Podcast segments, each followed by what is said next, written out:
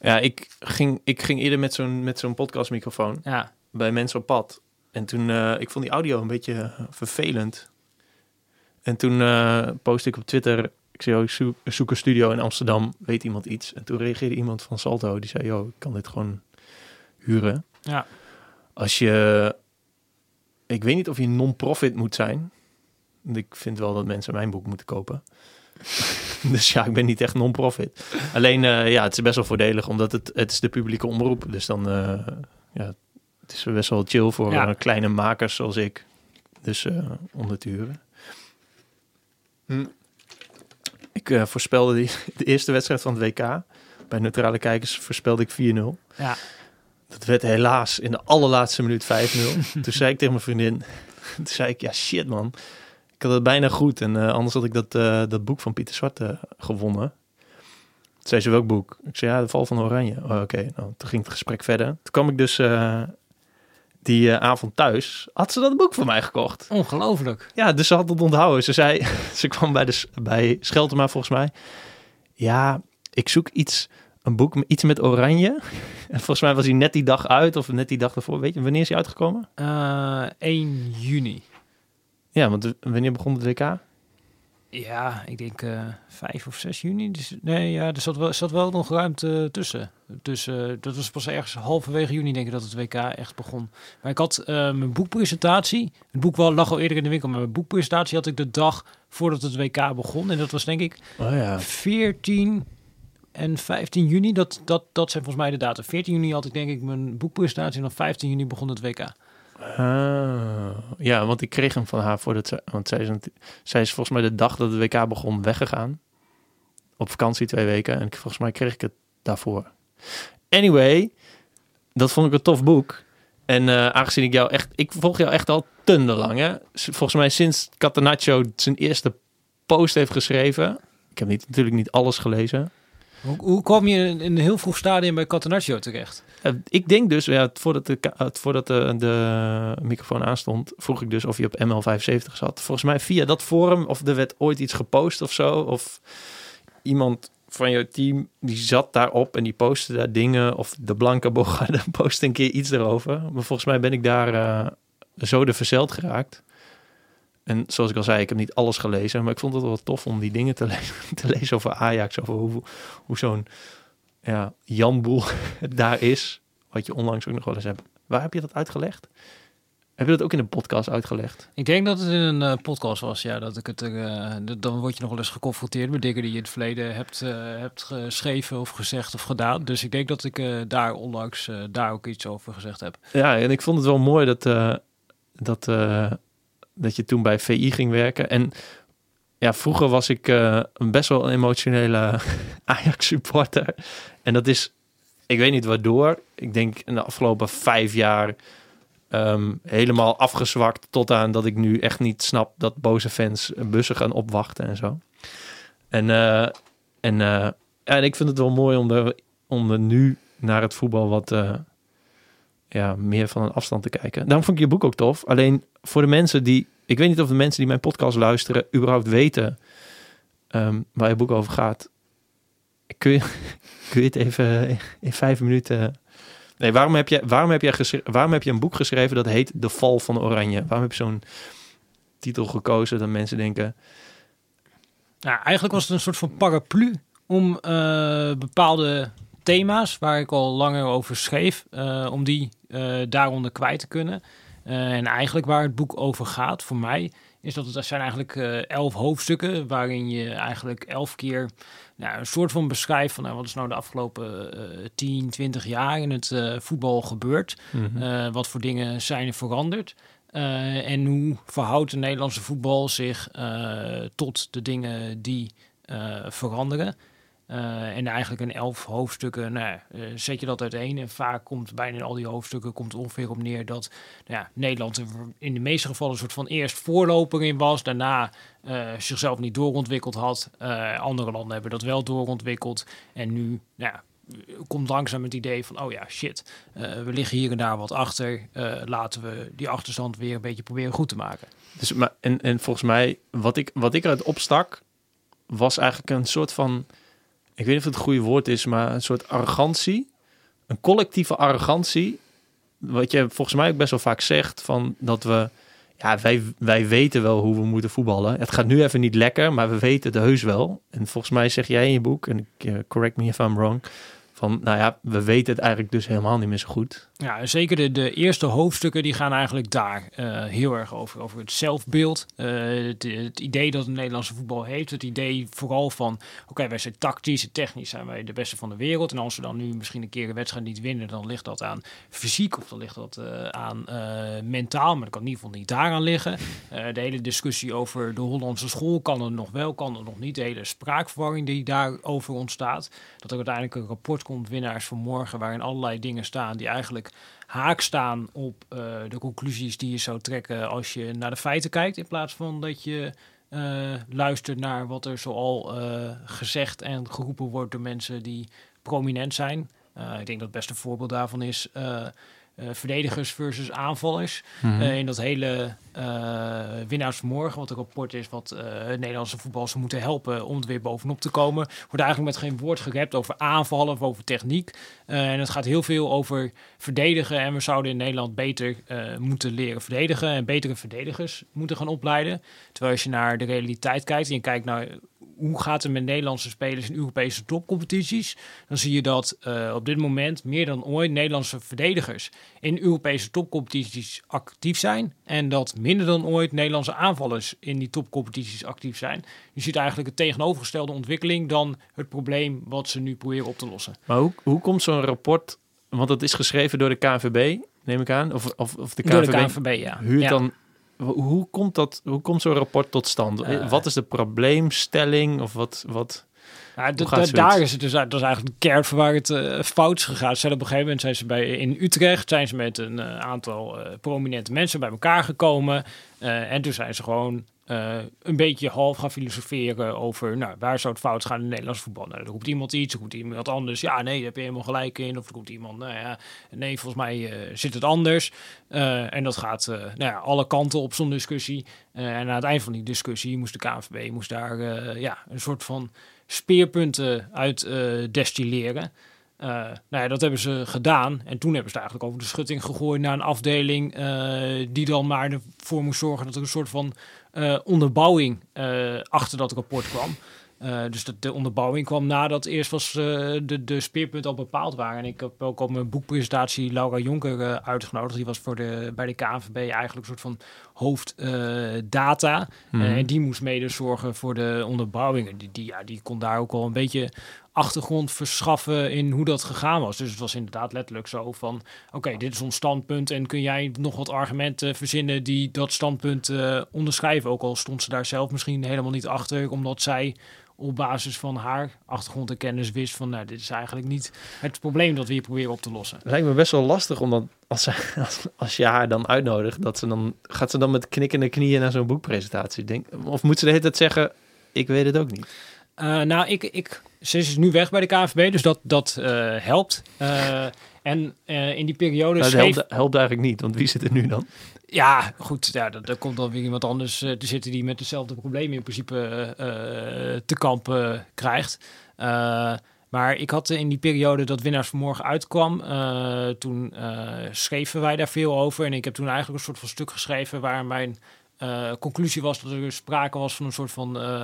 Uh, beleidsalgemeen, namelijk dat, dat nou ja, de, de ware speerpunten benoemd. Uh, en dan werd ergens in dat proces, werd eigenlijk, uh, kwam er tegenovergestelde, kwam er uiteindelijk uit, omdat ze niet bijvoorbeeld winnaarsmentaliteit, dat werd in dat rapport werd het in één keer winning mindset. En winning mindset, dat ging weer verwijzen naar groeimindset. En eigenlijk groeimindset is bijna het tegenovergestelde van wat in de uh, volksmond bedoeld wordt met winnaarsmentaliteit. Dus dan zeg je eigenlijk in de jeugd, ja, je moet al die wedstrijden winnen, want ze moeten van jongs af aan moeten leren hoe het is om te winnen. Ja. En groeimindset zeg je eigenlijk, ja, je moet focussen op je taken en dan daar beter in worden. En als je dan af en toe een wedstrijd verliest, ja, dat is juist weer een mooi leermoment. Dus eigenlijk betoog je het uh, tegenovergestelde. En daar, ja, ging, gebeurden allemaal rare dingen onderweg. Uh, nou, daar had ik eens over geschreven. en op basis daarvan benaderde zij mij van ja, ik zat een stuk te lezen en het was eigenlijk precies uh, hoe het is en hoe ik het ervaren heb in oh, mijn zij benaderde jou? Ja. ja. omdat zij eigenlijk zoiets zei, toen, toen dat stuk las, dacht van... hé, hey, er is iemand die begrijpt wat hier uh, gaande is. Dus ik denk dat het voor haar uiteindelijk wel prettig was... om uh, daar wat meer achtergrond te kunnen geven... over hoe zo'n rapport nou uiteindelijk tot stand komt. Ja, en, en dacht jij toen, toen je dat... Wanneer dacht je, hier moet ik een boek over schrijven? Hoe gaat zo'n proces? Want dat vind ik eigenlijk best wel interessant. Wanneer Want ja, het, het komt natuurlijk bij het begin van het WK uit. Dus het is wel een soort van het is niet heel toevallig dat het nu uitkomt, toch? Nee, dat het nu uitkomt is uh, niet uh, of toevallig. In die zin... twee jaar op de plank? Nee, het lag zeker geen twee jaar op de plank. We zijn er eigenlijk in uh, januari, februari eerste gesprekken over gevoerd. Maar dat was eigenlijk vanuit het initiatief van Das Mag. Mm -hmm. de, de uitgeverij, die zoiets hadden van... Nou, we willen met jou wel graag een boek maken... en ik had daarvoor al een keertje laten vallen van dat ik dat wel uh, zou willen. Omdat uh, het nadeel van internet is een beetje dat, dat het is niet nooit samen. En het is nooit één geheel. Dus je hebt een heleboel thema's waar je dan een keertje over geschreven hebt. En ja, je voelt ook niet zo van, nou, dan ga ik tien keer hetzelfde stuk of zo schrijven. Maar het is ook nooit een geheel dat je het als één geheel kan lezen. En dat je dan kan denken van, oh ja, maar als geheel snap ik het uh, nu beter. Dus het is altijd een beetje fragmentarisch en het is, ja, je publiceert het en iemand leest het en het is weer uh, weg. Mm uh, en het mooie aan een boek is dat je, nou ja, je kunt ook mooi de context en de nuance, zeg maar, waar je misschien ook niet altijd ruimte voor hebt in een stuk, kun je daar erin leggen. Dus ik dacht wel dat het goed zou zijn om dat een keer te doen. Uh, nou ja, zij waren er enthousiast over. En toen zijn we er uh, ja, eigenlijk redelijk snel mee uh, aan de gang gegaan. Hadden we ook al direct het idee van als we dit dan doen, dan moeten we het in de zomer publiceren. Ja, want als je in januari, februari de eerste gesprekken hebt en het komt in juni ergens uit. Ja. Dat is best wel rap. Dan was het in april al klaar. Ja. ja, april, mei. Ik denk, ja, het meeste is denk ik geschreven in februari en in maart en dan in april nog een soort van redigeren. En dan uh, moet het uh, ongeveer mei alweer richting de drukker. Dus dat ging wel redelijk snel, ja. Maar komt het omdat je, omdat het gewoon het, het het verhaal wat je wilde vertellen al in je hoofd zat? Of had, lag het eigenlijk allemaal op de plank? Is het, is het grotendeels eigenlijk wat al online stond? Of doe ik je het is, Er zitten uh, bewerkte gedeeltes in van dingen die ik uh, eerder heb geschreven. Maar het belangrijkste is inderdaad wat jij zegt. Uh, dat je op een gegeven moment een idee hebt. Dus we hadden op een gegeven moment een idee van... Oké, er moeten eigenlijk moeten elf hoofdstukken zijn. En dit zijn dan de thema's. Uh, en het belangrijkste is dat je op een gegeven moment in je hoofd hebt van oké, okay, uh, als dit dan het thema is, dan moet die verhaallijn binnen dat hoofdstuk van ongeveer A naar Z en wat zijn dan de tussenstappen. Mm -hmm. uh, als je dat eenmaal in je hoofd helder hebt, dan kun je ook wel redelijk snel schrijven. En dan soms, ja, dan kom je er tijdens het schrijven niet helemaal uit of loop je ergens tegenaan. Maar dan is mijn methode ook gewoon om door te schrijven en dan zeg maar, dan kan de eerste versie kan best wel slecht zijn. Of die kan dan misschien uh, 40, 50 procent zijn. Maar dat is beter dan dat je ergens onderweg uh, uh, afhaakt. Uh, en ja, als je het eenmaal de eerste versie eruit hebt, dan kun je daarna die gaan verbeteren en aanscherpen. Dus nou ja, dat, dat is de methode die ik gehanteerd heb. En ja. zo gingen we redelijk snel er doorheen. Ja, ik had het die vorige podcast met Bram, de YouTuber, over. Is dat inderdaad um, actie voor motivatie gaat. Dus dat je eigenlijk met, met creatieve dingen. Of ik merk dat zelf als ik iets wil schrijven. En ik doe het veel te weinig natuurlijk. Maar schrijven, als je dat eenmaal gaat doen, dan word je vanzelf wel gemotiveerd. En je hebt in ieder geval iets. En dan ja. komt er iets. Maar ja, dat je zo snel een boek weet te schrijven, is nog best wel. Hoe, hoe ja, ik ben eigenlijk best wel benieuwd naar. Hoe heb je je dan zelf opgesloten? Heb je een, ben je op reis gegaan ergens naartoe waar je dan tien dagen in een huis zit? Of nee, nee, nee. Nee, ik heb, uh, ik heb sowieso, ik heb in die periode, ik heb gewoon gewerkt. Okay, dus uh, gewoon even bij. Ja, nou eigenlijk, ik had een soort van uh, één dag per week die ik dan een soort van kon vrijmaken om een soort van schrijfdag te hebben. Mm -hmm. En dan mhm. wilde ik in die dag, we, ja, dat gewoon een planning van hoeveel, hoeveel moet ik dan schrijven om een beetje op schema te liggen. Mm -hmm. en meestal kwam het erop neer dat je dan twee hoofdstukken had op één dag. Mm -hmm. ja, en dan, zorg, dan ga je gewoon uh, s'morgens vroeg aan de gang. En dan zorg je aan het eind van de dag dat je die twee hoofdstukken hebt. En hoe je dat uiteindelijk voor elkaar krijgt, ja, dat maakt niet heel veel uit. Maar het is te doen. Ja, ja, als je maar de juiste winnaarsmentaliteit. Ja, precies. Het gaat allemaal om uh, winnaarsmentaliteit in het leven. Ja. En je, je, je, je vindt wat Johan Cruijff allemaal zei, dat leg je eigenlijk best wel goed uit in je boek. Hoe, um, um, hoe, hoe kan het dat Johan Cruijff zo um, verschillend wordt geïnterpreteerd? Oh, dat heeft vooral, denk ik, ook met uh, Johan Cruijff zelf te maken en hoe Johan Cruijff uh, in elkaar zat, zeg maar. Ik, uh, weet dat de mensen die toen bij Ajax bezig gingen met soort van het implementeren van de Cruijff-filosofie, dat die gingen op een gegeven moment naar Barcelona en die zeiden tegen Johan Cruijff, waar dan Wim Jonk en Ruben Jonkind, van oké, okay, nou ja, we gaan jouw filosofie implementeren bij Ajax. Heb je toevallig oefenstof voor ons? Nou, heeft natuurlijk jarenlang heeft hij Barcelona en Ajax en zo getraind. dus ze dachten, nou, die, die heeft wel iets. En dan zeiden ja, nee, en dan moet je bij uh, Tony wezen, Tony Bruinslot, uh, wat jaarlang zijn assistent was. Hij zegt, ja, ik, uh, ik heb helemaal niks, geen enkele oefening uitgeschreven. En vaak, ja, dan ging hij gewoon het trainingsveld op en dan ging hij daar ter plekke bedenken van wat gaan we doen. Of, nou ja, Bruinslot had het dan voorbereid. maar zelf had hij nooit iets op papier, omdat het mhm. zat allemaal in zijn hoofd en het was allemaal intuïtief. Alleen het gevolg daarvan is, is dat je heel veel mensen gaat krijgen die dan, wat voor hem intuïtief is, die dat dan gaan proberen te interpreteren en misschien op een verkeerde manier interpreteren, waardoor het alle kanten opschiet. En het is pas heel erg aan het eind van zijn leven geweest dat langzaam mensen geprobeerd hebben om zijn gedachten goed te structureren. Maar ik denk dat het goed was geweest voor het Nederlandse voetbal als dat eerder was gebeurd. En maar hoe, ja, het is misschien een rare vraag, maar hoe weet jij dan, je weet het natuurlijk nooit zeker, maar jij hebt er dan dus ook een interpretatie van. Mhm. Is die dan gebaseerd op wat die Tony Bruin Slot voor oefenmateriaal had? Of is het uh, uiteindelijk Wim Jonk of Jordi Cruijff die daar iets over te zeggen heeft? Of hoe, hoe zit dat? Nee, dit, dit komt in principe voort uit uh, mijn eigen soort van denkproces, waar, waar je kijkt naar ploegen waar Nederlands uh, voetbal bekend om stond, succesvolle ploegen zeg maar, die dan geassocieerd worden met de Hollandse school. Dat was eigenlijk één aspect ervan. Mhm. En het andere aspect ervan was nou ja, lezen en kijken naar wat Johan Cruijff over voetbal zei. en daar proberen een soort van algehele principes uit te destilleren.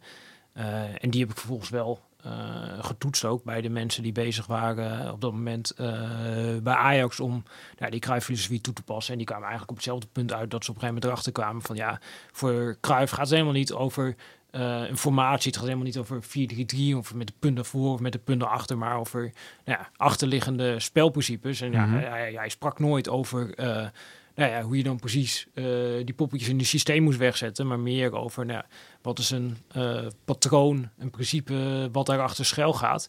Uh, nou en de dingen die ik eruit destilleerde, die kwamen heel dicht in de buurt bij wat zij in samenwerking met hem eruit gedestilleerd hadden. dus ja, het, het, is niet een 100% waarheid of een 100% zekerheid, maar het is een benadering van uh, wat het zou kunnen zijn. En op het moment dat je die uh, principes gaat leggen naast die uh, teams die wij dan associëren met de Hollandse school, dan zie je dat bijna al die ideeën in al die teams terugkomen. Mm -hmm. En een van, die, een van die dingen die je zegt, best, best wel wat teams in Nederland of clubs hebben in hun statuten staan dat ze 4-3-3 moeten spelen. Mm -hmm. Waarom is dat zo raar voor de leken luisteraar van mijn podcast? Ja, waarom is dat zo raar? Dat is eigenlijk vooral dat je uh, een definitie geeft aan een speelstijl die, die veel te uh, nauw is, zeg maar. Het is bijna hetzelfde zeggen als uh, pakken beet dat een stoel, dat die per definitie vier poten heeft. En als jij dan volgens een stoel gaat ontwerpen, dan zul je nooit de stoel krijgen waar ik nu bijvoorbeeld op zit. Wat ook een stoel is, maar die je ja, uh, kan rijden en waarmee je kan uh, schuiven. Omdat dat past dan niet binnen die definitie van uh, wat is een stoel. Mm en ik denk eigenlijk dat ja, daar heeft het een beetje mee te maken. Je moet altijd blijven kijken naar de context. En 4-3, ja, dat is gewoon te veel een mal om in uh, vast te zitten. En er zijn ook heel veel Nederlandse teams geweest die niet 4-3 speelden. Bijvoorbeeld uh, het Ajax van 1995, dat dan de Champions League won. Dat speelde 3-4-3. En moet je dan zeggen, nou, dat is niet de Hollandse school, want ze spelen anders. Uh, nou ja, als je ook Cruijff kijkt, bijvoorbeeld in zijn laatste jaar bij Barcelona. Ik heb, daar de, ik heb daar beelden van teruggezien. Ik heb hem de gekste systemen zien spelen. Uh, Cruijff was ook bijvoorbeeld de trainer die... Nou, zijn begin van zijn carrière begon hij nog zeg maar, met de rechtspoot op rechts en een linkspoot op links. Maar bij Barcelona deed hij dat al lang niet meer. Mm dus nou ja, je ziet dat vaak de, de uitvinders, ja, die zijn dan veel flexibeler in hun geest dan misschien de mensen die dat gaan proberen te kopiëren en dan een hele nauwe definitie gaan proberen te plakken eh, op een speelstijl, waardoor je niet meer een flexibiliteit van denken hebt om in te spelen op de omstandigheden waar jij op dat moment in verkeert. Ja. Heb jij, heb jij eh, je hebt dat boek geschreven, vind je dan, vind je het zonde dat het Nederlands elftal niet op zo'n toernooi aanwezig is? Of vind je het zonde dat, en misschien is het antwoord wel allebei, of vind je het zonde dat er op deze manier ehm, een, eh, dat er op deze manier een discussie wordt gevoerd over voetbal. Ik bedoel, dat, dat hele star, starre, ehm, dat hele starre praten. Dat 4-3-3 en de buitenspelers en voorzetten geven en aantrekkelijk voetbal en zo. Ja, nou ja, beide. Het, is natuurlijk jammer als Nederlands elftal niet... Je, je, hebt een, je hebt een oranje shirt aan. Ja. De mensen kunnen het niet zien, maar nee. is, dat een, is dat een knipoog? Nou, dit, dit is, dit is het uh, 1974 shirt van uh, Johan Cruijff. Dus origineel? nou, dit is een soort van... Uh, het is natuurlijk geen echt origineel, maar het is een soort van replica. maar ja, dit is een knipoog naar dat team, wat dan wordt gezien als de oorsprong van Nederlands voetbal. Maar het is natuurlijk jammer dat, dat we er niet bij zijn. Uh, en het is ook jammer dat uh, sommige discussies die in Nederland gevoerd worden over voetbal, dat dat uh, te weinig niveau heeft en te weinig diepgang om daadwerkelijk ons voetbal vooruit te helpen. Als jij blijft praten over hè, generaties bijvoorbeeld, wat je nu ook weer voorbij is komen. Ja, je hebt altijd een golfbeweging voor generaties. Dan krijg je een goede generatie, dan krijg je een slechte generatie. Nu hebben we een slechte generatie. en helaas, ja, dat is dan maar zo. ja, eh, als je zo gaat redeneren, dan kun je het zo goed uh, meteen stoppen, denk ik, met, uh, met alle functies die je kan bekleden in het voetbal. Want uiteindelijk, het gaat natuurlijk om... Kijk, er zijn altijd dingen in het leven waar je geen invloed op hebt of geen controle op hebt. Maar er zijn ook mhm. dingen uh, waar je wel invloed en wel controle op hebt. en als je nou in die dingen waar je wel controle op hebt, als je daar nou energie in steekt, nou, dan heb je langzaam, krijg je steeds meer controle op de hele situatie. Maar op het moment dat jij gaat zeggen van, ja maar kijk, dit ene dingetje, ja, dat kunnen we niet controleren. Of uiteindelijk nou uh, de nieuwe Arjen Robben geboren wordt in Bedem, ja, uh, dit, als uh, die ouders elkaar niet ontmoet hadden, was hij niet geboren. En dan had Nederland niet, op het, niet zo goed gepresteerd in de afgelopen jaren. Ja, oké, ja, is waar. Mhm. alleen je, je kunt het niet veranderen. Dus het heeft helemaal geen zin om het over te hebben of daar een soort van ja, dan maar je handen de lucht in te gooien en te denken van, nou ja, laten we maar hopen dat er weer twee ouders komen die een nieuwe Arjen Robben produceren. Ja, dat heeft geen zin. Nee, precies. Dus daarom vind je dus ook, want ik stuur je al een bericht, dat, dat ik niet meer naar Pierre van Hooydonk kan kijken. Dat als hij het heeft over, over winnaarsmentaliteit of over vechtlust. Maar zijn dat dan, dan dus voorbeelden waarvan jij zegt van ja, waarom zouden we het daarover moeten hebben? Ja, dat zijn voorbeelden daarvan. Het zijn eigenlijk allemaal uh, non-contextuele containerbegrippen. Dus ja, je roept iets en iedereen die heeft, heeft daar een soort van eigen associatie bij, maar niemand weet nou eigenlijk wat er precies mee bedoeld wordt. En waar het er al helemaal niet over gaat, is daadwerkelijk uh, in actietaal praten over datgene wat er uh, op het veld gebeurt.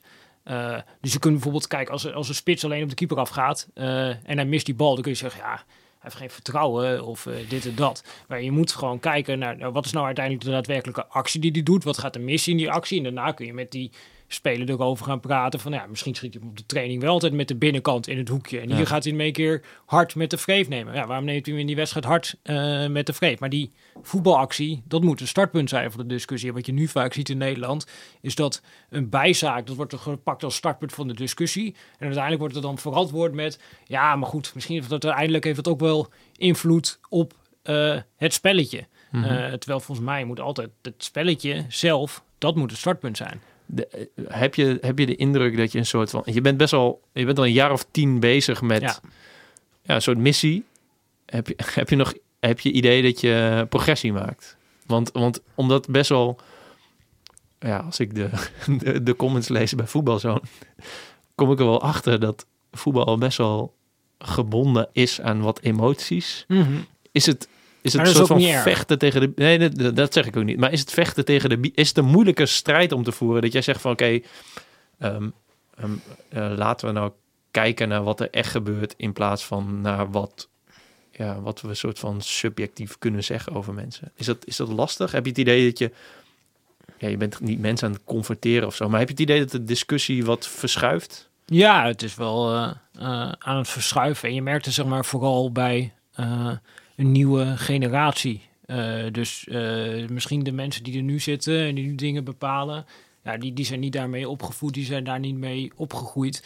Uh, maar de nieuwe generatie die doorkomt, die je bij iedere club tegenkomt, die je nou ja, overal eigenlijk tegenwoordig ziet, ja, die, die is bezig om te proberen op een andere manier over voetbal na te denken, over een andere, op een andere manier over voetbal te praten. Ja, en die hebben, krijgen steeds meer een platform om dat daadwerkelijk te doen. Mhm. Ik denk eigenlijk, nou ja, het is nu al een beetje mainstream aan het gaan. En dat, uh, dat, dat, proces over, ik denk dat over pakken beet vijf jaar, dan ben je daar. Uh, en dan zijn er genoeg jonge mensen die uh, dat zouden kunnen gaan doen. en die, nou ja, die die discussie op een andere manier kunnen gaan voeren. Als je dit seizoen ook al kijkt wat voor trainers er worden aangesteld in de Eredivisie. Bijvoorbeeld zo'n Adrie Poldervaart bij uh, Excelsior. Nou, dat, dat gaat gewoon uh, dingen teweeg brengen en mhm. dingen veranderen. en je hebt uiteindelijk vaak maar één succesje nodig om dan in één keer die hele sneeuwbal op gang te krijgen. Want je voelt dat zeg maar onder de oppervlakte dat dat al in beweging aan het komen is. Dus het is gewoon een beetje een kwestie van tijd. En je geeft, je geeft ook in je boek voorbeelden van andere landen waar dat, waar dat wel uh, gebeurt, bijvoorbeeld in Duitsland. Mhm. Ja, dan snap ik ook wel dat als Duitsland nu eruit ligt uh, in de groepsfase, dat merk je dat dat mensen dan zeggen. Uh, ja, ja, ja. Ja, maar dat is voetbal. Uh, ja, dat is eigenlijk dan zeggen van, waar, ja. het, waar, het, eerste hoofdstuk van het boek ook een beetje op ga, over gaat, zeg maar, dat de discussies op zo'n ontzettend laag uh, niveau gevoerd worden. Als jij niet in staat bent om uh, proces te scheiden van resultaat en al helemaal resultaat op extreem korte termijn. Dus één wedstrijd, wel of niet winnen. Ja, als je daar alles van uh, laat afhangen mhm. uh, en dat je daar alles naartoe redeneert, ja, dan ga je uiteindelijk niet verder komen. Dus nou, weet je, dit is natuurlijk een land wat uh, x toernooi achter elkaar de halve finale heeft gehaald, prijzen heeft gewonnen. nog steeds een generatie spelers heeft die daadwerkelijk qua profiel heel erg anders zijn dan de spelers die we kenden uh, van Duitsland. Dus er is daar wezenlijk is daar, uh, iets veranderd. Dat kan, iedereen kan dat uh, waarnemen. Mm -hmm. nou, er komen een heleboel trainers vandaan uit Duitsland die succesvol zijn. nou ja, je ziet daar wezenlijk zie je, iets gebeuren. En dan ja, datgene verandert niet met of jij in de verlenging, uh, in de extra tijd tegen Zuid-Korea, of dan de VAR beslist of dat wel of niet de penalty is. Ja, dat verandert helemaal niks wezenlijks aan wat uh, daar in Duitsland gebeurd is. Net zoals niks wezenlijks verandert of Mats Hummels een voorzetten wel of niet mm -hmm. in kop. Dat proces, dat blijft hetzelfde, alleen het resultaat is anders. En als je dat... Ja, maar dat, dat niet kan scheiden, dan ja, houdt in principe iedere discussie op. Nee, precies, maar dat lijkt me zo moeilijk om, om um, bij te brengen, omdat ja, mensen zo emotionele wezens zijn. En dus het is zo lastig om daar heel rustig onder te blijven of zo. En dat rationeel te benaderen. Want eigenlijk zou je dan ook niet um, een studio voetbal iedere zondag moeten uitzenden, maar ieder kwartaal of zo. Toch?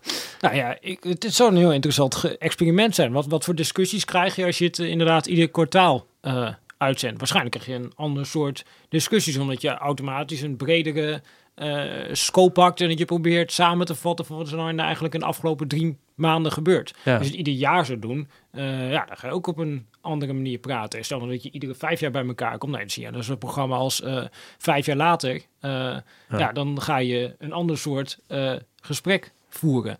En als je uiteindelijk uh, wezenlijk naar structuren wil kijken, ja, dan heb je niet die dagdagelijkse chaos nodig, waar het voetbal natuurlijk wel uh, altijd in zit. Uh, maar moet je proberen uit te zoomen en met een breder perspectief te kijken naar wat gebeurt hier nou eigenlijk. Vind je dat lastig? Jij publiceert ehm, ook best wel snel na WK-wedstrijden nu een artikel. Mm -hmm. Vind je dat lastig om, want dan werk je ook met een deadline. En dan ga ja. ik eigenlijk over een wedstrijd praten. Vind je dat dan lastig om te doen? Of hoe benader je dat? Want dat is natuurlijk ook niet hele, per se lastig. Uh, waar, waar, het lastige soms een beetje in zit. Kijk, uiteindelijk uh, wat je dan doet, is ook een uh, verhaal vertellen. Mm -hmm. dat is uiteindelijk de essentie. Dat verhaal moet mensen boeien. en een nadeel, zeg maar, daarvan is, kijk op zich, dat, dat is allemaal prima. En ik, ik weet hoe ik uiteindelijk zeg maar, de dingen die daar, dan gebeuren. Kijk, je kunt uitleggen, nou, hoe speelt het ene team, hoe speelt het andere team, hoe verhoudt zich dat tot elkaar en hoe ontwikkelt zich dat in de wedstrijd. In principe gaat het daar dan uh, vaak uh, over. Mhm. Uh, en ik ben wel in staat om dat soort van alle minuut te analyseren en te zien wat er gebeurt. Ook omdat je vaak bij de ploegen al kent en weet wat ze proberen te doen. En dan ook kan zien als er iets anders gaat.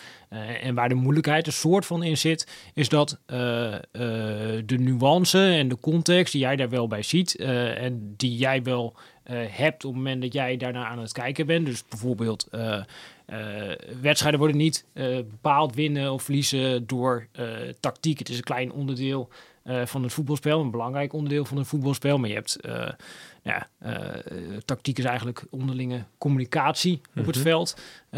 Maar nadat je die communicatie hebt gehad, moet uiteindelijk een speler op het veld, voetbal is een spelersport, die moet op basis van spelinzicht moet hij een beslissing nemen. En die beslissing moet hij vervolgens uh, met zijn techniek uitvoeren. Mhm. Uh, en of uh, en eigenlijk conditie bepaalt uh, of jij in staat bent om dat uh, 90 minuten lang te doen of misschien in een hoger tempo te doen. Ja. Nou, dat is een context die je erbij hebt. Maar dan kun je niet in ieder artikel kun je dit even gaan uitleggen. Dat ik iedereen, ja, flikker op. Ik zit hier niet op te wachten op een uitleg van het voetbalspel. Alleen, ja, dat, dat geeft dan misschien soms wel de ruimte dat mensen het gaan interpreteren als: oh ja, maar jij denkt dat voetbal uh, alleen tactiek is en dat dat het enige is uh, wat er is. Mhm. Uh, terwijl het in principe niet anders is dan dat dat de invalshoek is, de lens waarmee je die specifieke wedstrijd bekijkt. Dus daar zit in zekere zin een bepaalde moeilijkheid in. Ja. En je moet niet alles toeredeneren naar het resultaat. Nou ja, en daar ja, heb je statistieken. Dat is eigenlijk een soort van mijn eigen fact-check methode. Om gewoon te controleren van datgene wat ik denk te zien. Je construeert in je hoofd een verhaal is dat er ook daadwerkelijk uh, wat er op het veld gebeurt. Ja, maar dus, dus eigenlijk is het wel iets makkelijker, omdat je dan het artikel tijdens de wedstrijd kan schrijven, omdat het resultaat bepaalt eigenlijk niet het artikel. Nee. Dus dan kun je op het eind nog toevoegen of, of, de, ja, of het, wat de eindstand is. Ja. Eigenlijk toch? Nee, ja, bijvoorbeeld bij. Uh, ja, dat was bijvoorbeeld laatst bij uh, Engeland-Colombia. Uh, nou ja, weet je, Colombia pas eraan aan Engeland. Nou, uh, uiteindelijk vindt Engeland daar een uh, oplossing voor. in Engeland, ja, komt eigenlijk de hele wedstrijd niet in de problemen. Maar in de, zoveel, in de 94e minuut komt Colombia uit de corner Ja. op 1-1. dan doen ze een kwartiertje, doen ze een beetje mee in de wedstrijd. en daarna heeft Engeland weer de volledige controle. En dan krijg je een strafschoppenserie. Ja, of Engeland nou die strafschoppenserie wint of verliest, dat beeld van die wedstrijd, dat blijft hetzelfde. Ja. en soms kun jij een hele goede wedstrijd spelen. Uh, waarin eigenlijk alles klopt en dan verliezen. Of uh, ja, het tegenovergestelde. Uh, dus dat in principe die uitkomst in de uitslag, dat maakt niet heel veel uit voor hoe uiteindelijk die analyse eruit ziet. Nee. En soms kan analyse ook zijn dat het, dat het team dat eigenlijk de boel beter voor elkaar heeft, dat die dan in dit geval heeft verloren. Dat ze misschien niet zo heel erg in paniek hoeven te zijn over een bepaalde nederlaag. Nee, precies. En dat, ja, ik, ik wil even een stukje terug. Hoe ontstaat zoiets bij een jonge Pieter Zwart? Hoe, hoe, wat, weet je nog wat je eerste artikel was? Eerste stuk? Eerste stuk ooit, überhaupt. Ja, op je blog. Ik bedoel, op een gegeven moment begin jij catenaccio.nl. Mm -hmm. Was daar iets, al iets voor? Zat je op een forum of zo? Of? Ja, we, we, iedereen, uh, de drie waarmee we Catenaccio zijn begonnen, we zaten allemaal op het uh, forum uh, Managers United. En ik heb daarvoor heb ik wel een aantal soort van eigen websitejes gehad die dan niet echt van de grond kwamen. Maar nee, daar ben ik wel daarvoor ook al mee uh, bezig geweest.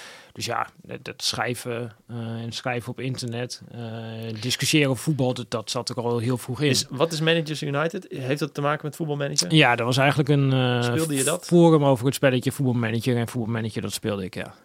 Wel, welke ben je mee begonnen? Uh, ik denk met FM. Hmm. Ik zit te twijfelen of het uh, FM 8 of FM 11 is. In ieder geval uh, ergens een beetje in die, uh, die contraien. Oh ja.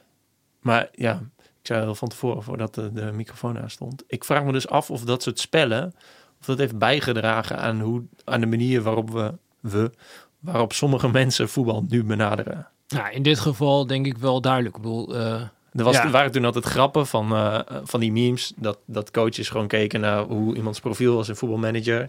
Dat ze toen maar een speler kochten. Ja. En natuurlijk heel veel spelers van voetbalmanagers die dachten... hé, hey, die was altijd knettergoed bij, weet ik veel... obscure Zuid-Afrikaanse of Zuid-Amerikaanse club. En die speelt nu bij Europese topclub. Heel logisch. Is het, is het denk je dat dat... ehm nee, je hebt het net al gezegd. Je denkt wel dat dat heeft bijgedragen. Nou, ja, het is heel direct dat, dat Catenaccio had zeg maar niet bestaan als wij niet samen op een soort van forum hadden gezeten over dat spelletje. Eh, en ook zeg maar de denkwijze waardoor je toe wordt gedwongen zeg maar eh, in dat spel. Omdat het, het is gewoon echt een management game waar het draait om het nemen van beslissingen en daarmee de kans vergroten op een eh, overwinning. Ja. Die hele denkwijze, ja, eh, dat is een bepaalde manier om naar eh, het spel te kijken. En dat zie je dan uiteindelijk. Heb je dat ook teruggezien eh, in de artikelen die we zijn gemaakt bij Catenaccio. Ja, want die hele in het spel, ja, er zit niet, er zit bijna geen emotie in. Zeg maar, je ziet die hele wedstrijd niet eens. Nee. Je ziet gewoon, ja, je, het is eigenlijk een soort, hoe zeg je dat? Ja, je geeft instructies en je zet een generator aan en er komt iets uit. Ja. Dat, dat is eigenlijk hoe het werkt. Ja. En alleen wat ik me afvraag, ehm, waar gaan die artikelen dan over? Want je hebt enerzijds het spel, maar je, je, je hebt het nu niet over het spel. Je hebt het nu over de echte wereld. Hoe, hoe gaat, wat voor artikelen waren dat dan? Of wat, waar hadden jullie het over? Want ik kan me voorstellen, ik, ik deelde met mijn vrienden lijstjes met spelers. Dat, dat mensen Kennedy Bakayoglu moesten kopen. Mhm. Of slaat dan Ibrahimovic van Nou ja, Malmö. Eh, Man- Managers United, zeg maar, daar, daar zat ook een website eh, bij. En daar was het eh, eh, dat inderdaad ongeveer. Dus eh, bijvoorbeeld, nou ja, jij gaat de game beginnen bij Parma. En dan een overzicht geven van de selectie en wat er nou speelwijzen zijn die kunnen daarbij past. Hoeveel geld heb je om aankopen te doen, zeg maar. Zulke soort profielen en ook van spelers, zeg maar. De, de, de wonderkinderen, zoals dat dan heet, in Mhm. voetbalmanager. Maar eigenlijk Catenaccio is begonnen eh, vanuit het idee dat wij, wij deden dit, maar wij dachten eigenlijk allemaal van ja, wij gaan liever over het spelletje zelf, dus over voetbal schrijven in plaats van over eh voetbalmanager. En toen zijn we begonnen met Catenaccio en dat is vanaf het begin af aan is dat dus over voetbal zelf gegaan en niet over voetbalmanager. Nee, oké. Maar ja, dat is. ehm, ja, oké. Dan, dan snap ik het inderdaad. Ehm, maar wat ik me dus nog wel afvraag, is, is of je. Ik weet niet of je dat in de podcast met Jiggy J ook hebt, hebt gezegd. Of jij, of jij eh, fan bent of bent geweest van een, van een club. Of ooit, dat klinkt zo stom, of je ooit emotie hebt gevoeld bij, Ja, ja, ja. bij Nee, eh, eh, uitslagen. Ja, zeker. Dat is denk ik waar voor iedereen voetbal. Loop je te schreeuwen begint. tijdens de wedstrijd? Ja, nu niet tegen de meer. scheids. Nee, nu niet meer. Maar eh, als je, als ik, toen ik jong was, tuurlijk, dan eh, bleef je voetbal ook op een eh, hele emotionele manier. Ja. En dat is pas later dat het minder wordt. Kijk, als ik nu naar een wedstrijd zit te kijken, ja, dan ben ik niet emotioneel. Heb je, heb, je, heb je bij die penalty-series, we hebben er nu een paar gehad, heb je dan extra spanning? Nee. Ik heb, ik heb, ja, ik heb dus, ik, ik vind het nu helemaal niet meer een emotionele sport, behalve bij die penalty-series. En dan vind ik het spannend. Ik ben niet eens voor iemand. Mhm. Ja, ja, ja. ja, ja ik kan me dit wel eh, eh, voorstellen. En het is natuurlijk wel een soort van spectaculaire ontknoping. En eh, het zijn ook inderdaad de mooie momenten. Ja, daar kun je wel van genieten. Als er een eh, eh, mooie aanval is. Of eh, weet je, ik ben ook iemand die heel erg kan genieten eh, van een ploeg die dan op een goede manier eh, gezamenlijk druk zet. Als dat dan lukt, ja, dat, dat, dat, daar, daar word ik heel vrolijk van als ik daar naar kijk. Zie je heel vroeg in een, eh, in een wedstrijd... eh, kijk, ik zie wel eens jouw eh, analyses met, met afbeeldingen en eh, stipjes en lijntjes en zo. Mhm. Zie je eigenlijk in minuut drie al hoe het staat en hoe het zeg maar, zich vormt? Ik Ja. heel, eh, kun je dat mensen leren? Ik vind het namelijk heel moeilijk om te... Ja, ik denk dat je het mensen kan leren, omdat het zit vooral eigenlijk in een soort van gestructureerde manier van nadenken over voetbal. Heb- Eh, dus als je eigenlijk het voetbalspel opdeelt, dan heb je aanvallen, verdedigen, eh, de twee omschakelmomenten ertussen. Nou, die twee Ja. omschakelmomenten ertussen, dat is het meest chaotisch. Ik vond het een vet goede uitleg trouwens in je boek. Dat eigenlijk, eigenlijk is het... Nee, het zou tof zijn als je het boek Zo werkt voetbal een keer zou schrijven. Want, ja, maar wat jij zegt, eh, je mag eh, nu op doorgaan, sorry dat ik je onderbreek. aanvallen, verdedigen en twee omschakelmomenten. Kun je dat toelichten Ja, voor de luisteraar? Nou ja, het is eigenlijk inderdaad uh, uh, wat, wat, dat is. Het is ook niet iets wat, uh, wat, wat ik zelf verzonnen heb. Maar dat is ja, eigenlijk gewoon de logische structuur van het voetbalspel. Ja. Nou, als jij de bal hebt, dan is ook doel in dit voetbalspel om een doelpunt te maken. Dus dan ben je aan het aanvallen. En op het moment dat jij de bal niet hebt, is altijd maar één ploeg die, die de bal heeft in het voetbal. Dan ben jij aan het verdedigen en ben je aan het voorkomen dat tegenstander een doelpunt kan maken. en op het moment dat jij dan uh, de bal verliest, op het moment dat je aan het aanvallen bent, ja, dan moet je terug naar verdedigen. Alleen wat je ziet in het voetbal is dat teams die aan het aanvallen staan, zijn, die staan op een andere manier dan wanneer je aan het verdedigen bent. Dan is het alleen maar zeg maar dat je uh, eerst naar dat ene doel toe moet en dan dat andere doel uh, moet gaan verdedigen. En dat dat vraagt om een andere organisatie. En die, ja, dan heb je daar twee, daartussen heb je twee omschakelmomenten waar het eigenlijk per definitie chaotisch is. Want op het moment dat jij aan het aanvallen bent, sta je eigenlijk zelden in, zeg maar, je, je hebt al die systemen informaties. Dus zeg je ploeg speelt 4-3 of speelt 4-4-2. Maar in de mhm. praktijk, ja, dat, dat beweegt door elkaar. Anders ga je natuurlijk ook nooit een doelpunt maken. Want dan, als iedereen gewoon stil blijft staan op zijn positie, ja, dan uh, ga je er niet uh, doorheen komen. Zijn dat ook die lijntjes die je moet trekken bij, bij voetbalmanager? Van, je, kunt, ja. je kunt de speler een lijntje geven, zo'n looplijntje. Ja, nou ja, en dat, dat, dat, uh, is inderdaad in essentie ongeveer uh, wat het is. En wat je dan nu uh, langzaamaan ziet als trend in het voetbal. Maar dan, dan wijken we een beetje af van waar ik mee, uh, mee bezig ben. Maar dat, dat het steeds meer gaat richting principes. Dus een soort van onderliggend idee dat je niet meer tegen Pietjes zegt van ja, als dan die bal daar is, dan moet je daarheen. Uh, maar dat je zegt van nou ja, wij willen dat de flanken altijd maar door één speler bezet zijn. Mm -hmm. uh, en wij willen in die zone daartussen, daar willen we uh, kansen creëren. En dan willen we de veldbezetting achter de bal bijvoorbeeld uh, dus waar, waar coach veel over praat is bijvoorbeeld restverdediging. Dat is eigenlijk hoe ziet jouw organisatie achter de bal uh, eruit. Dan kun je bijvoorbeeld praten. Liverpool speelt in een 3 plus 1 restverdediging. Dus ze hebben drie spelers in de laatste linie staan. Daarvoor is dat één verdedigende middenvelder. En wie dat dan zijn, het kan soms zijn dat zeg maar een vleugelverdediger die plus 1 is. Mm -hmm. En dan die achterste drie, dat dat twee centrale verdedigers en een verdedigende middenvelder is. Maar dat kan ook ja, andere spelers zijn. Dus die plekken zijn wel bezet. Maar wie dat doet, ja, dat verschilt. En dat geeft je meer uh, flexibiliteit uh, in het aanvallen dan wanneer dat altijd exact dezelfde spelers zijn. Want dan heb je geen uh, verrassing in het aanvalspel. Mm -hmm. En je gaf ook aan dat het clubvoetbal juist dat heel goed kunt, kan trainen. Ja. En dat wat we nu zien op het WK, ja, ligt een beetje aan wanneer mensen deze podcast luisteren. Maar tijdens het WK met, met landenteams, dat je eigenlijk best wel een relatief korte voorbereiding hebt. En dus bepaalde dingen niet goed kunt trainen. En Klopt. Dat daar dus grote verschillen tussen zijn. Ja, en dat, dat komt eigenlijk weer terug op, op waar we net uh, over hadden. Zeg maar dat de startpunt voor voetbal is uh, communicatie en communiceren met jouw omgeving. En het verschil tussen Lionel Messi bij Argentinië en Lionel Messi bij Barcelona is dat als hij bij Barcelona een soort van uh, één stapje achteruit doet, dat dan misschien Andres Iniesta al weet, oh, Messi maakt nu die mm -hmm. uh, loopactie uh, terug, die komt in de bal, maar hij wil eigenlijk wil die een steekpaas erachter hebben en die geeft dan die steekpaas erachter. Nou, die, die verdediger die denkt in eerste instantie, ik stap uit. Op het moment dat hij uitstapt, dan komt er keer die steekpaas, dan is Messi weg en dan mm. maakt Messi een doelpunt.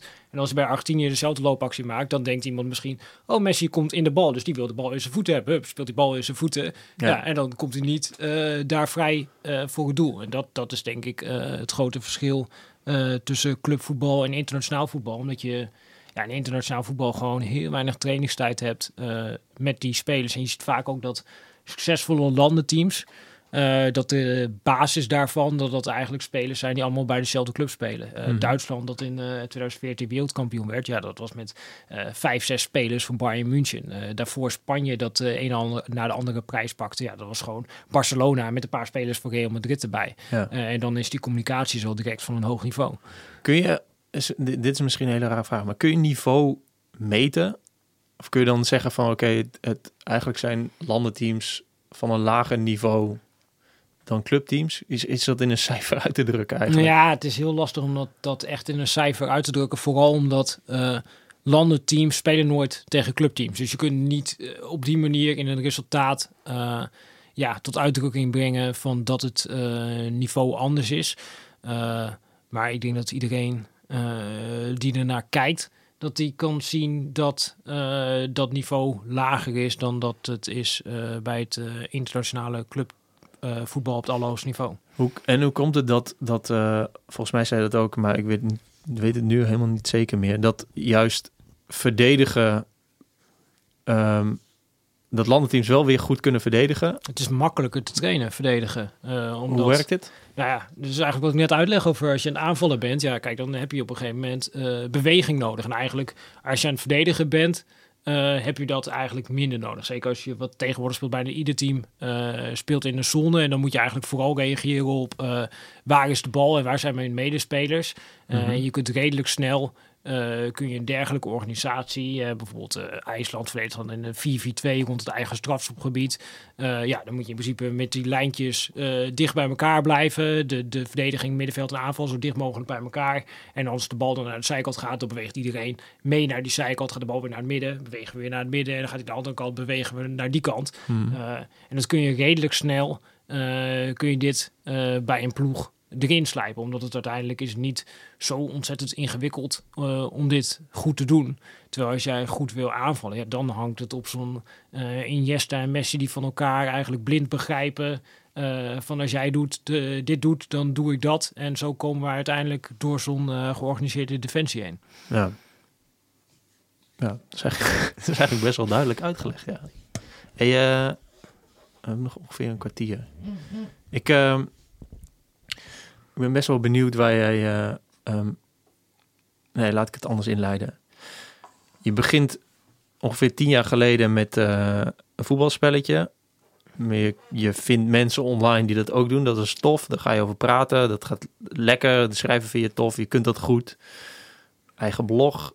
Je gaat bij VI werken. Je schrijft dit boek. Hoe, hoe zie je, zeg maar... Ga, ga, je dit nog lang doen? Ga je is, is er een onderwerp waarin je binnen het voetbal in wil verdiepen?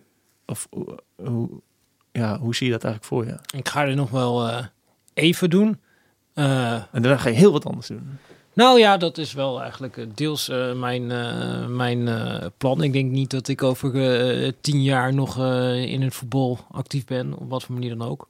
hoop ik ook eigenlijk niet ja, meestal als ik ergens mee bezig ben, dan wil ik het een soort van doorgronden en begrijpen. En nou ja, de, dan alle uh, details en facetten daarvoor kennen. Maar op een gegeven moment, ja, die leercurve, ja, die vlakt op een gegeven moment af. En dan, dat is ongeveer het punt uh, waarop je aan de ene kant begin je dan misschien iets uh, succesvoller te worden voor de buitenwereld. Maar voor de andere kant leer jezelf op een gegeven moment minder. En dan is het wel belangrijk dat je op een bepaald moment uh, jezelf weer gaat uitdagen. Maar op dit moment ligt er nog wel een uitdaging. En die ligt er vooral uh, bij Voetbal International om daar ervoor te zorgen dat we, wat we nu met uh, eh, VI Pro aan het proberen zijn, weer een eigenlijk jonge groep lezers die misschien niet altijd meer bereikten met Voetbal International, of in ieder geval die niet meer betaalden voor dingen die we deden met Voetbal International, om die weer aan dat blad te binden en ervoor te zorgen dat we eigenlijk richting de toekomst, dat je een soort van stabiel verdienmodel hebt, zodat je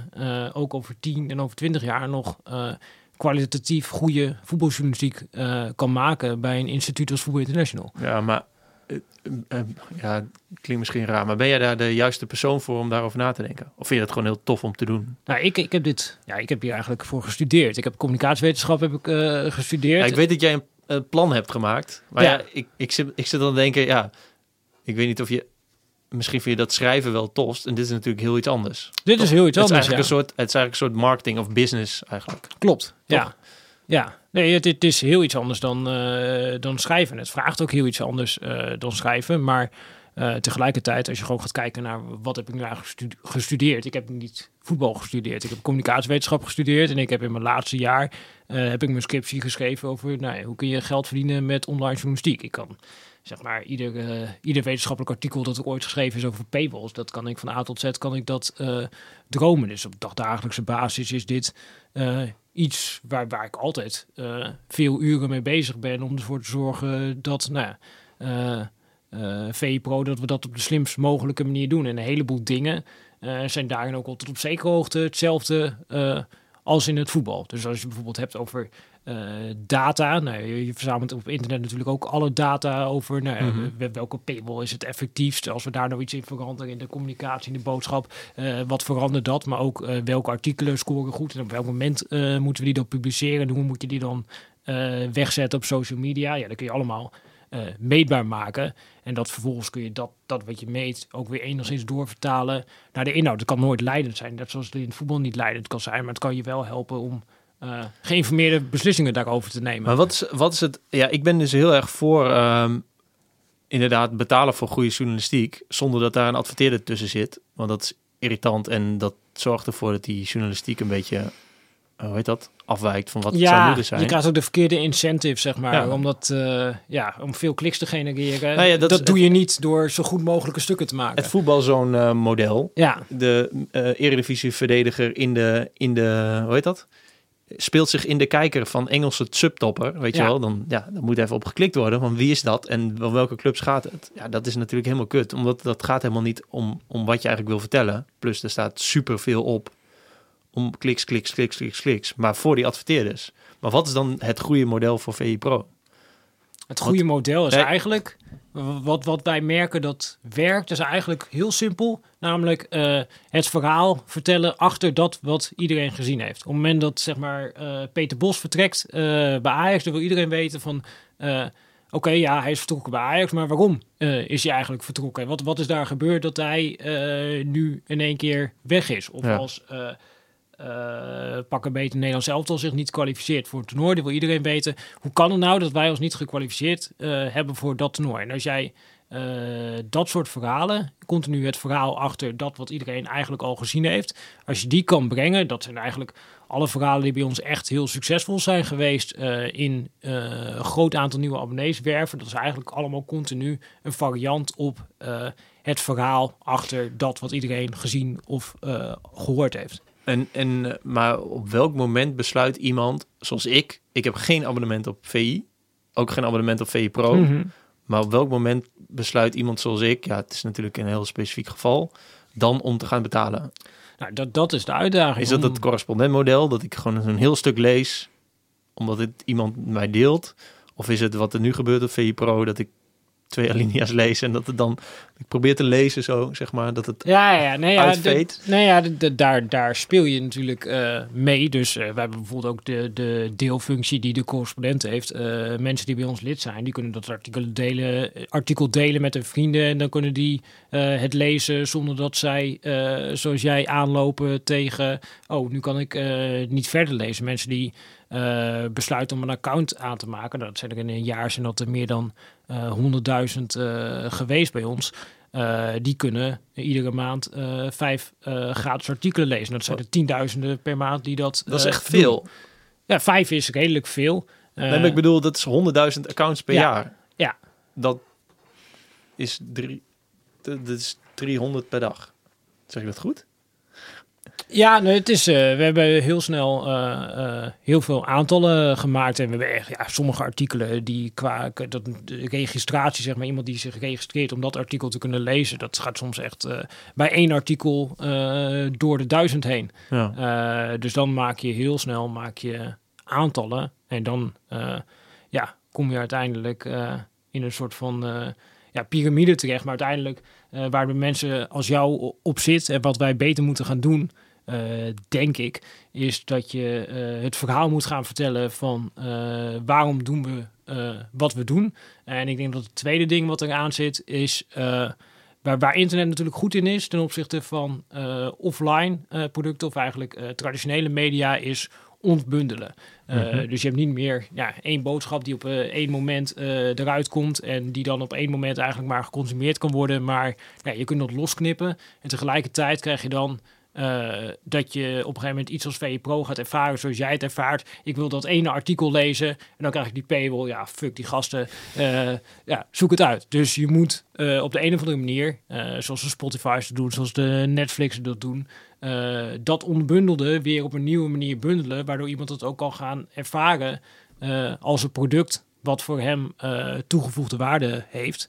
En ik denk dat daar voor ons nog de meeste ruimte zit eh, om te winnen. Want je kunt wel dat spelletje proberen effectiever te spelen in die paywall door daar een andere melding in te zetten of door die boodschap net iets anders te maken of door die iets lager of iets hoger in een artikel te zetten. Maar uiteindelijk gaat het erom dat je mensen ervan overtuigt uh, dat wat wij doen, dat dat waardevol is en dat, het, dat iemand daarvoor moet betalen om dat mogelijk te maken. En dat het ook meer is dan dat ene specifieke artikel. Ja, precies. En, en geloof je wel heel erg dat... Zit VI eigenlijk ook in Blendel of zo? Hij zit uh, in Blendel, ja. Maar geloof je um, heel erg dat VI gewoon zijn eigen platform moet blijven bouwen? Ik denk dat het heel belangrijk is dat je als merk dat je mensen aan jou bindt. Die ook daadwerkelijk aan jou gebonden zijn en niet via een soort van uh, derde partij die dat dan uh, voor je doorverkoopt. Je moet daar wel uh, ook zijn, omdat er zijn mensen die zijn geïnteresseerd in voetbal, maar die gaan nooit een abonnement nemen op Voetbal International. Mm -hmm. het is perfect dat die via Blendel ons lezen. Maar er zijn ook mensen, en er zijn er in Nederland heel veel gelukkig, die ja, echt iedere dag gepassioneerd bezig zijn met voetbal. Ja. En die mensen zouden een relatie moeten hebben, op wat voor manier dan ook, met Voetbal International. En dat moeten we voor elkaar zien te krijgen. Ja, ik had het in de vorige podcast met Bram uh, de Wijs over, over de NPO. Hij werkt bij de NPO. En daar is het dus heel vaak de discussie van... oké, we hebben NPO-programma's... en die moeten wel of niet op YouTube. En zo'n beetje een grijs gebied. Maar daar was dus ook de vraag van... ja, ik snap, ik, ik snap dat mensen niet willen dat, dat video's op YouTube staan... omdat YouTube een platform... ja, een, plat, een merk is eigenlijk. En dan wil je dus eigenlijk je video's niet opzetten. Maar aan de andere kant, er zijn mensen die alleen op YouTube komen en niet op npo.nl slash live of npo.nl slash weet ik veel video's of zo. Dus ja, ik ben wel heel erg benieuwd naar die strategie van, van VI. Omdat, en ik vraag me dan ook af, kijk, jij houdt je dus bezig met, die, met, die, met online en specifiek VI Pro, maar heb, je dan, Mhm. heb je dan ook vergaderingen over en dan met iemand die ehm, over het blad gaat? Zeg maar, hoe, hoe is die uh, visie daarop? Een aantal jaar geleden um, werd er gezegd, nou dat papier dat is wel een beetje over, dat gaat een beetje, dat gaat een beetje. Ja, niet, niet bij ons, uh, voor alle duidelijkheid. Zeg je? Nee, ja, niet, niet bij ons, wat wij hebben gezegd van het papier. Nee, is nee, nee, over. nee, nee, nee, precies. Maar over het algemeen werd dat gezegd, nou alles gaat online, maar dat geloof ik niet. Hoe, hoe, hoe, hoe combineer je dat met elkaar, zeg maar, om een soort van, um, ja, inderdaad, een soort VI-bundeling te maken? Mm -hmm. Nou ja, het, het, blad, dat is natuurlijk uh, uh, onze kern. Uh, onze, maar is dat nog steeds zo? Want is, ja, natuurlijk, want je hebt daar nog steeds heb je daar heel veel abonnees die iedere woensdag. maar zijn dat er meer dan, dan mensen die online kijken? Of bereik je meer mensen? Je met... bereikt meer mensen online, maar er zit een verschil tussen de waarden, zeg maar. Kijk, je kunt 1 miljoen mensen hebben wij ongeveer qua bereik op vi.nl op een soort van normale dag.